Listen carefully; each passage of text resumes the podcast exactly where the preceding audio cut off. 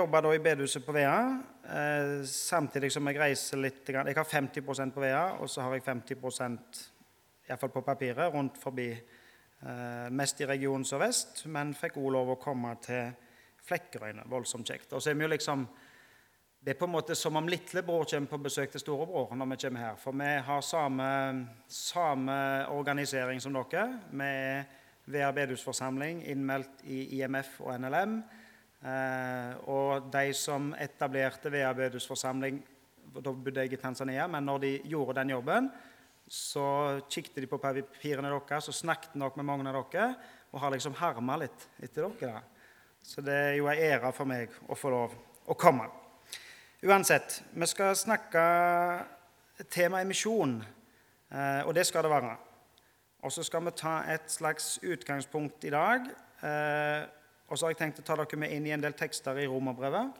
Vi skal begynne i Romerbrevet 1 i dag. Så skal vi gå i Romerbrevet 9 faktisk i morgen. Og så skal vi gå til Romerbrevet 10 på lørdag. Og så skal vi gå litt tilbake igjen til Romerbrevet 8 på søndag. Det er iallfall sånn jeg har tenkt at det skal være. Eh, og vi skal begynne med Romerbrevet 1 eh, og vers 14-17 i dag. Og Nå er ikke jeg voldsomt teknisk av meg, men jeg har tenkt at det kan hende det er, det er en hjelp i at det står bibelteksten på veggen. Eh, og så er det ikke mer enn det. Det er bare, bare i hermetegn, og det er ikke bare bare det, men det er bibelteksten som står på veggen. Og så kan dere få følge med når jeg leser. Jeg har tenkt på tre ord eh, i denne teksten.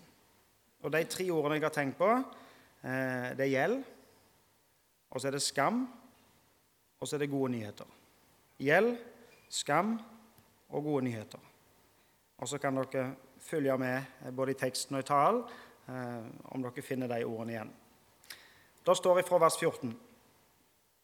Grekere og barbarer, lærde og ulærde, alle står jeg i gjeld til. Derfor ønsker jeg å forkynne evangeliet også for dere i Roma.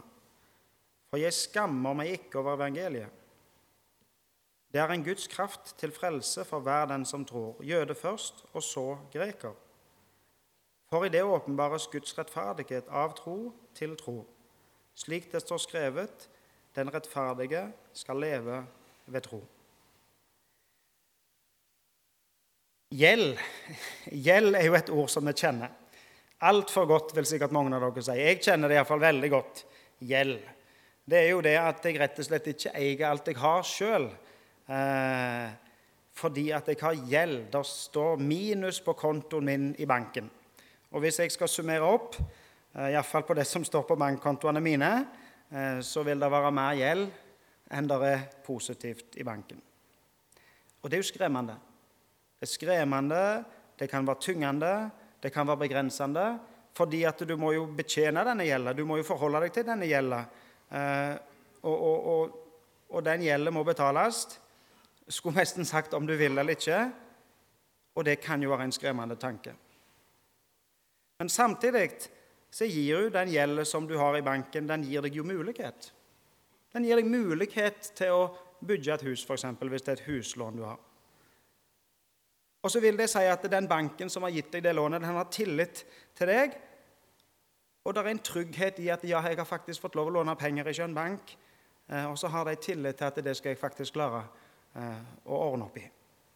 For en mulighet og for en trygghet det er at det fins et sånt system i vårt land som gjør at vi kan bygge oss hus uten, uten å ha penger. Jeg vet ikke Hvis noen av dere har reist i utlandet, og hvis du har reist litt lenger enn til Sverige skulle jeg sagt, og reist til, til ikke-vestlige land, så kan det hende du har lagt merke til at det er mye uferdige byggeprosjekt. Og hvorfor er det det? da? I Tanzania, f.eks., der vi har bodd. Jo, fordi at de har faktisk ikke den samme muligheten som vi har til å gå og ta opp et lån. Og Vi kan jo gå og ta opp et lån, og så kan vi gjøre ferdig byggeprosjekter, og så kan vi betale etter hvert.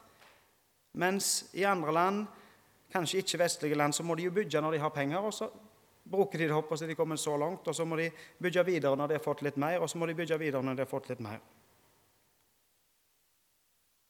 Paulus sier her at han står i gjeld. Grekere og barbarere lærde og ulærde, alle står jeg i gjeld til. Og Så skal ikke vi gå inn på hvem disse var, disse grekerne, barbarene, lærde og ulærde, for så vidt, men, Men poenget til Paulus er at han sier disse folkene. Disse folkene som egentlig ikke var hans folk, de står han i gjeld til. Står i gjeld til alle folk. Har du opplevd å stå i gjeld til en person? Nå snakket vi om gjeld i banken, men har du opplevd å stå i gjeld til en person? Vi kan jo si det at, at, nå har jeg gjort noe for deg, og nå skulle du meg en tjeneste. Eller hvis du gjør noe for meg, så kan jeg si nå skulle jeg deg. Neste gang er det min tur. på en måte, ikke sant? Og så blir det ubalanse, for den ene parten har gjort mer enn den andre. Og så står du i gjeld til en person. Det fortelles om ei mor Jeg vet ikke om det er sant eller om det er omdikta, men jeg, jeg har iallfall hørt eh, om ei mor som opplevde at ungdommen i huset ikke bidro. Han gjorde jo ingenting. Og En dag så sprikker det for mor, og så sier hun rett ut til ungdommen i huset at du gjør jo ingenting. Du kan i det minste gå ut med søppel, i alle fall. Og Så reagerer faktisk ungdommen, og så legger han ifra seg mobiltelefonen og så reiser han seg opp og går bort til søppelet og tar posen ut og, og går i søppelet med, med, posen. Så kommer han inn igjen, setter seg ned i sofaen og puster ut, tar fram mobilen igjen og så sier han, åh, så deilig å endelig være skoles. Og så har han gjort opp, liksom. Da har han fått gjort noe tilbake for mammen som har gjort litt for han. Vi mennesker vi er født med en, med en utpreget rettferdighetssans. Det er viktig for oss at ting er rettferdig. Jeg vet ikke, Hvis noen av dere er unger Jeg har en tredjeklassing. Når vi lager barneselskap og skal dele godteposer Har dere gjort det med dere? Skal dele ut godteposer i et barneselskap. Da er det viktig at de er helt like. Ja. Hvis det blir noe skeivhet da, da har det et problem.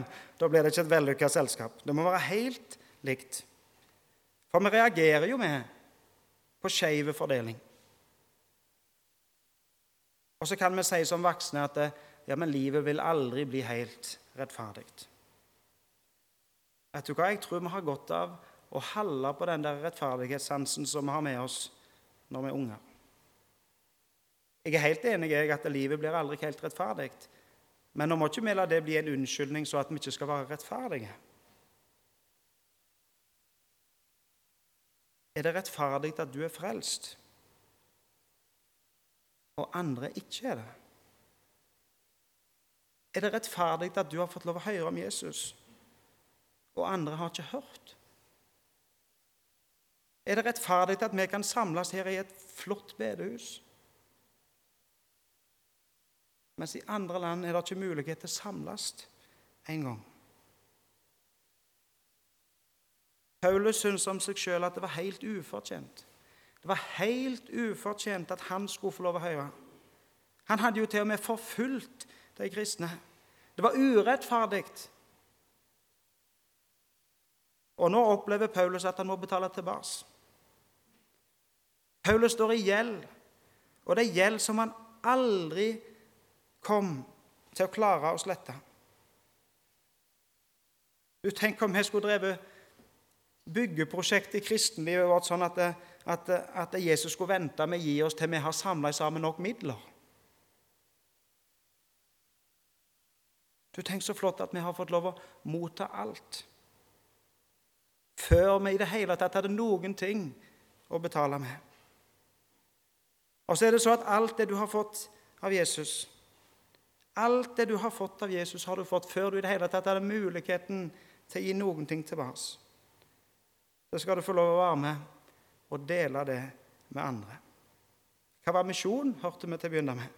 Jo, det handler om å spre budskapet. Det handler om å få lov å være med og dele. Ikke for det egentlig at vi skal, dele, skal betale tilbake og på en måte en gang komme i balanse, for det klarer vi aldri. Paulus sto i gjeld. Jeg og du står i gjeld. Og så skal vi få lov å være med og spre det budskapet som vi har fått høre. Hvorfor sier Paulus at han ikke skammer seg over evangeliet?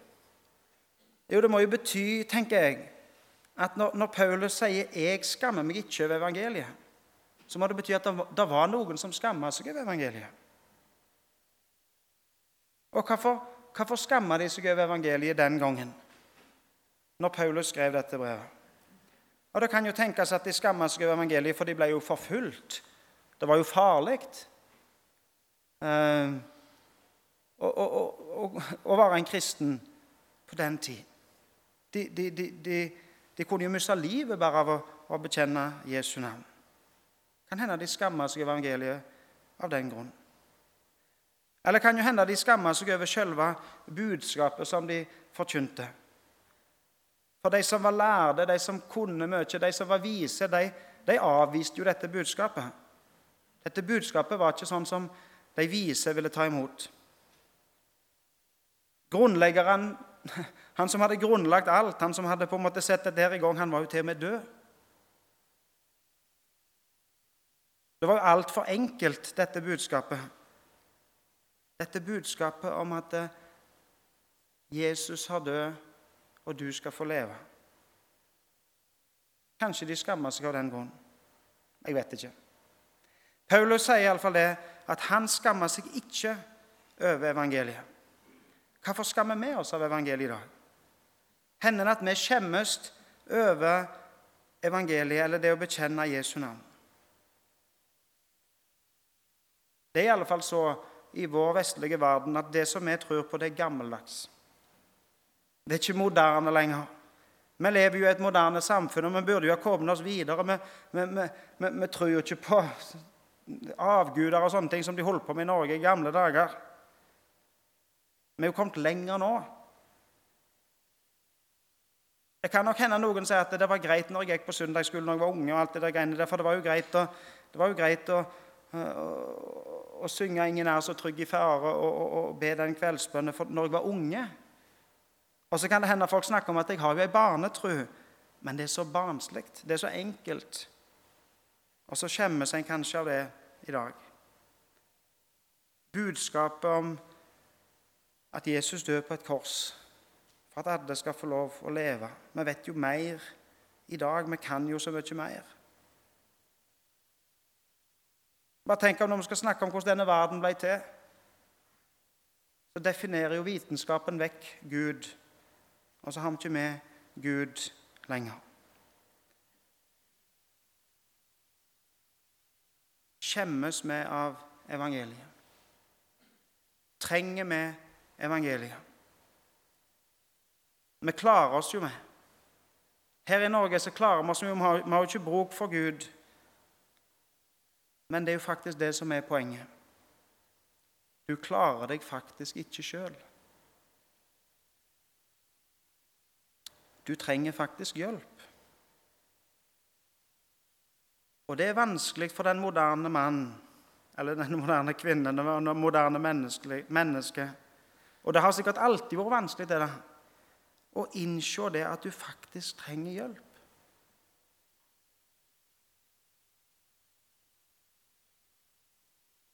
Tenk deg om du har fått en sykdom, f.eks. Tenk om du har fått beskjed at du Dette er en sykdom som ikke kan eh, helbredes med medisiner. At du får beskjed om at det går én vei. Ingen som kan hjelpe deg. Ingen doktorer, ingen forskere, ingenting. Da blir du hjelpeløs. Ikke engang her i Norge klarer du å fikse det. Vet du, Det er ting i livet som du kommer til å møte, som du ikke klarer sjøl som du ikke klarer å fikse sjøl. Uansett hvor mange penger du har. Du trenger faktisk hjelp. Eller tenk deg at en du er glad i, er syk, en av dine, en som du elsker over alt på denne jord. Og så fins det ingen medisinsk behandling. Du skulle gjort hva som helst. Men uansett hvor mange penger du har, hvor mange ressurser du har. Det fins ingen sykehus, ingen leger, ingen forskere, ingen som kan hjelpe. Da blir du hjelpeløse. Jeg kjenner en som har det sånn. Jeg kjenner en som ser på noen som han er glad i. Og så vet han at de han er glad i, er hjelpeløse. Og han vil gjøre hva som helst. Og det koster. Det koster livet for Jesus. Og der ligger den store forskjellen. For det som du ikke klarer sjøl, det som du møter i livet som du ikke mestrer, der som du er hjelpeløs, der har Gud all makt. Der du i deg sjøl ikke har kraft nok, der kommer Gud til deg med Guds kraft. Og så står det her Jeg skammer meg ikke evangeliet, for det er en Guds kraft. Evangeliet er en Guds kraft til frelse for hver den som tror. Du klarer det aldri. Du kommer aldri til å kunne betale for eller bygge opp din egen frelse. Men Gud vet det. Og Derfor så gir Gud deg sin kraft til frelse for hver den som tror. Til hver den som innser at her trenger jeg faktisk hjelp. Her trenger jeg faktisk Guds kraft, så at Gud kan få lov å frelse. Guds kraft til frelse for hver den som tror. Martin Luther strevde med å forstå uttrykket Guds rettferdighet. Løsningen for Luther kom når han innså at det var ikke snakk om den rettferdigheten som Gud krever, men det er snakk om den rettferdigheten som Gud gir.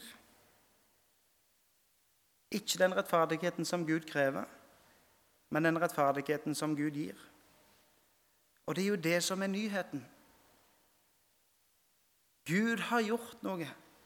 Gud vil gi deg noe. Og det er kraften i evangeliet. Det som du ikke klarer sjøl, det som ingen andre kan hjelpe deg med. Når du møter synd og død i ditt liv, så kan Gud gi deg hjelp.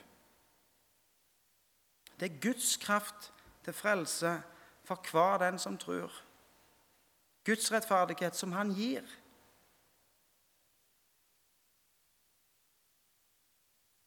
Jeg er, jeg er konfirmantlærer. Jeg har, jeg har konfirmanter, underviser konfirmanter hjemme på Vea. Og når vi, når vi, har konfirmasjonsundervisning, så har vi noen ord eh, som er viktige å gå gjennom. Og et av de ordene som, er, som står på undervisningsplanen, som, som, er viktig til å gå gjennom, det er rettferdighet. Et utrolig viktig ord. Rettferdighet. Er det rettferdig at du slipper straffen? når det er du som har gjort noe galt? Er det rettferdig at du slipper, at du går fri? Det argumentet som kommer inn, er jo evangeliet. Og Pga. evangeliet så har du fått et nytt forhold til Gud. Du er ikke lenger Guds fiende og står under straff, men du er Guds barn. Og så har du samme stilling som hans sønn. Du har fått hans rettferdighet. Du er blitt rettferdig for Gud.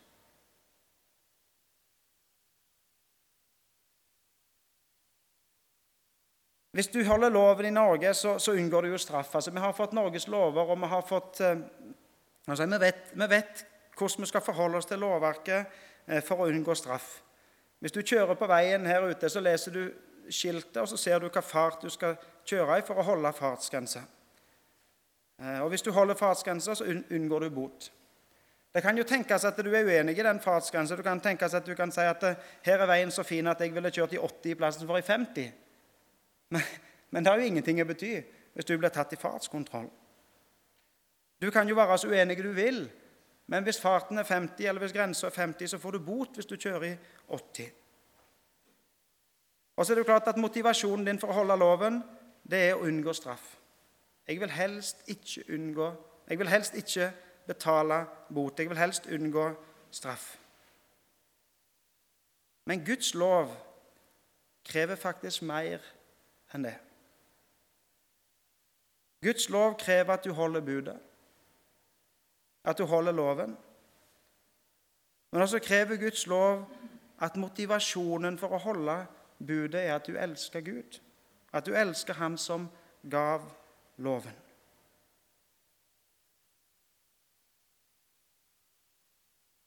Evangeliets budskap er at du er rettferdiggjort sjøl om du har gjort noe galt. Du er rettferdiggjort sjøl om du ikke klarte å holde budet. Du er rettferdiggjort sjøl om du ikke klarte å oppfylle alt som Gud krever av deg. Jesus har tatt straffen, og du går fri. Men hva blir da motivasjonen for å holde loven? Hvorfor i all verden skal du gidde å være god hvis straffen allerede er tatt? Altså, Jesus har jo allerede betalt. Hvorfor skal du da gidde å holde loven? Jo, for du står i gjeld. Du står i gjeld. Jesus har gjort alt for deg. Og så ønsker du å leve livet ditt til ære for Jesus. Han har gitt deg alt. Han har tilgitt syndene dine, han har gitt deg et nytt liv. Han har gitt deg barnekår og arverett hos Gud.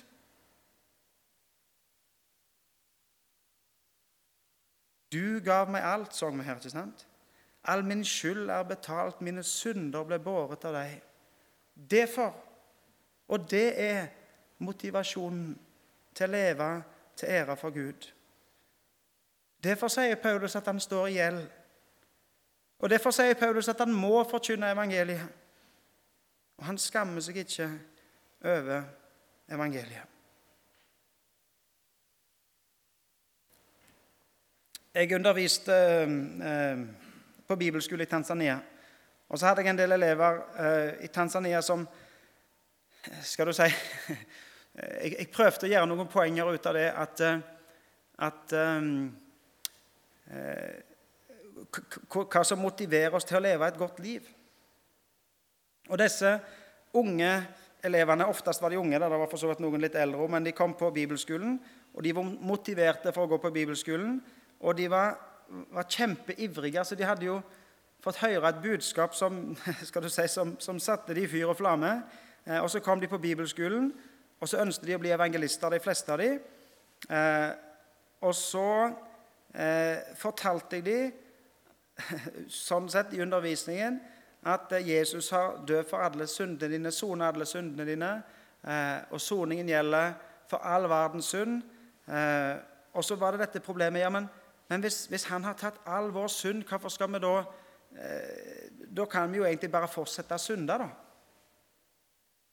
Og så prøvde jeg å lage et poeng ut av i klasserommet og si til disse her at ja, vet du, Jesus har sona for alt. Vi kan bare fortsette å synde. Dere må bare gå ut og fortsette, og så må dere synde så mye dere vil. Og Så leste vi til og med et vers der det står at der hvor synden ble stor, ble nåden enda større. Og så sa han nå må vi sørge for å få så mye nåde som vi kan. Sett i gang, sa jeg til dem. Og så tenkte Jeg visste jo selvsagt hva som kom, da. Men, men elevene mine protesterte. Nei, du gal! Vi kan jo ikke holde på sånn. Vi kan jo ikke leve sånn. Og hvorfor kan de ikke leve sånn? Jo, fordi at Jesus måtte jo dø for det som jeg og du har gjort galt. Jesus måtte jo bære alt det der på korset, han. Og da kan ikke vi fortsette å leve på den måten. Hva skjedde den dagen du ble rettferdiggjort? Ble Jesus en synder? Ble du syndfri? Jeg vet du, Jesus ble jo ikke en synder sånn at han begynte der på korset å tenke stygge tanker. Jesus var jo fortsatt den samme hellige, syndfrie seg. Men alle våre synder ble lagt på han. Til og med når han ble straffa av sin egen far for noe han sjøl ikke var skyldig i, så holdt han budet om å elske sin far. Ikke engang da brøt han budet om å elske sin far. Han elska sin far fullkomment sjøl når det kosta han livet. Han lå jo på kne og ba, 'La din vilje skje, far'. Jesus ble ikke en synder, men han tok dine synder på seg. Ble du syndfri den, den dagen Jesus tok syndene dine? Du ble jo kvitt syndens straff. Du er ikke lenger under Guds vrede men du er fremdeles et menneske som står i en hjelpeløs stilling overfor Gud og trenger hans tilgivelse for synd i ditt liv. Det som skjedde den dagen, var at Jesus tok alt ditt, og du fikk alt hans. Og så var det ikke sånn at dere to ble skuls, at liksom regnskapet deres gikk i balanse, og at det gikk i null. Men vet du, du gikk mer enn i null, du gikk i pluss. Du fikk et helt nytt liv. Du fikk alt hans. Hvis vi skal bruke samme bilde som vi brukte altså hvis du, hvis du kjører for fort, hvis du kjører i 80-50-sonen, så får du ei bot. Og Så må du betale den boten, og så fortsetter du som før. Du kjører den samme bil, og du er den samme sjåføren. Men vet du, Jesus han tar ikke bare bote og betaler den for deg og setter regnskapet i null. Jesus han gir deg en helt ny bil. Jesus han gir deg et helt nytt liv. Du går mer enn i balanse, du går i pluss. Hva er evangeliet? Hvilket ord er det? Hva betyr det ordet evangeliet? Jeg vet ikke om dere gjorde det her på Flekkerøy, men hjemme på Vea når jeg gikk i, i 4. klasse, så fikk jeg utdelt en bibel. Møtte opp i kirka, og så fikk vi utdelt en bibel. Og den bibelen som jeg fikk utdelt da, den heter Godt nytt. Det sto Godt nytt på den bibelen. Jeg tror det var et Nytestamentet, forresten. Eh, og det er jo det som er evangeliet. Det er jo gode nyheter. Nyheter som blir formidla til deg. Gode nyheter som kommer ifra Gud, og som blir formidla til deg. Det er jo sjelden at, at, du er den som det blir formidla nyheter om, hvis ikke du er statsminister. da. Hvis du er statsminister, så kan det hende du er på nyhetene. Og Da vet du kanskje nyheten før han er på nyhetene til meg. Men som regel så er nyheter noe som kommer til deg utenfra. Ikke noe som du må prestere for å få, men noe som kommer til deg utenfra, noe som, som du får. En nyhet. Det er en god nyhet, et godt budskap til deg. At Guds rettferdighet er gitt til deg, du som tror på ham. Der står her 'Guds rettferdighet av tro til tro'. I en engelsk oversettelse så står det 'God's righteousness by faith from first to last'. Altså fra begynnelse til slutt. Guds rettferdighet av tru til tru til tru til tru. Du kan aldri få noe annet enn tru. Altså, Du kan aldri gjøre noe annet enn å tru for å få Guds rettferdighet. Og den rettferdige av tru skal leve. Den rettferdigheten som Gud gir til den som tror av bare nåde. Og det budskapet må vi dele. Det budskapet må vi spre. Det budskapet må vi forkynne.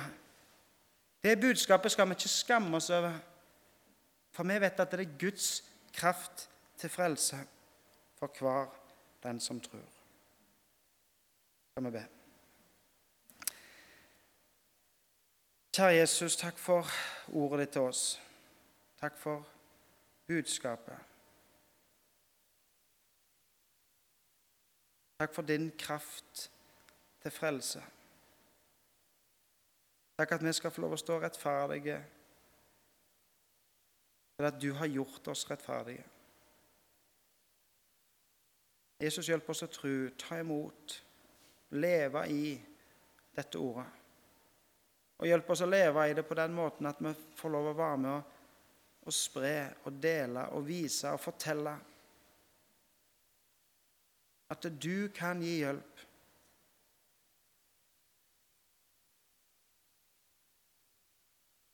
At du er den som kan gi frelse og evig liv. Amen.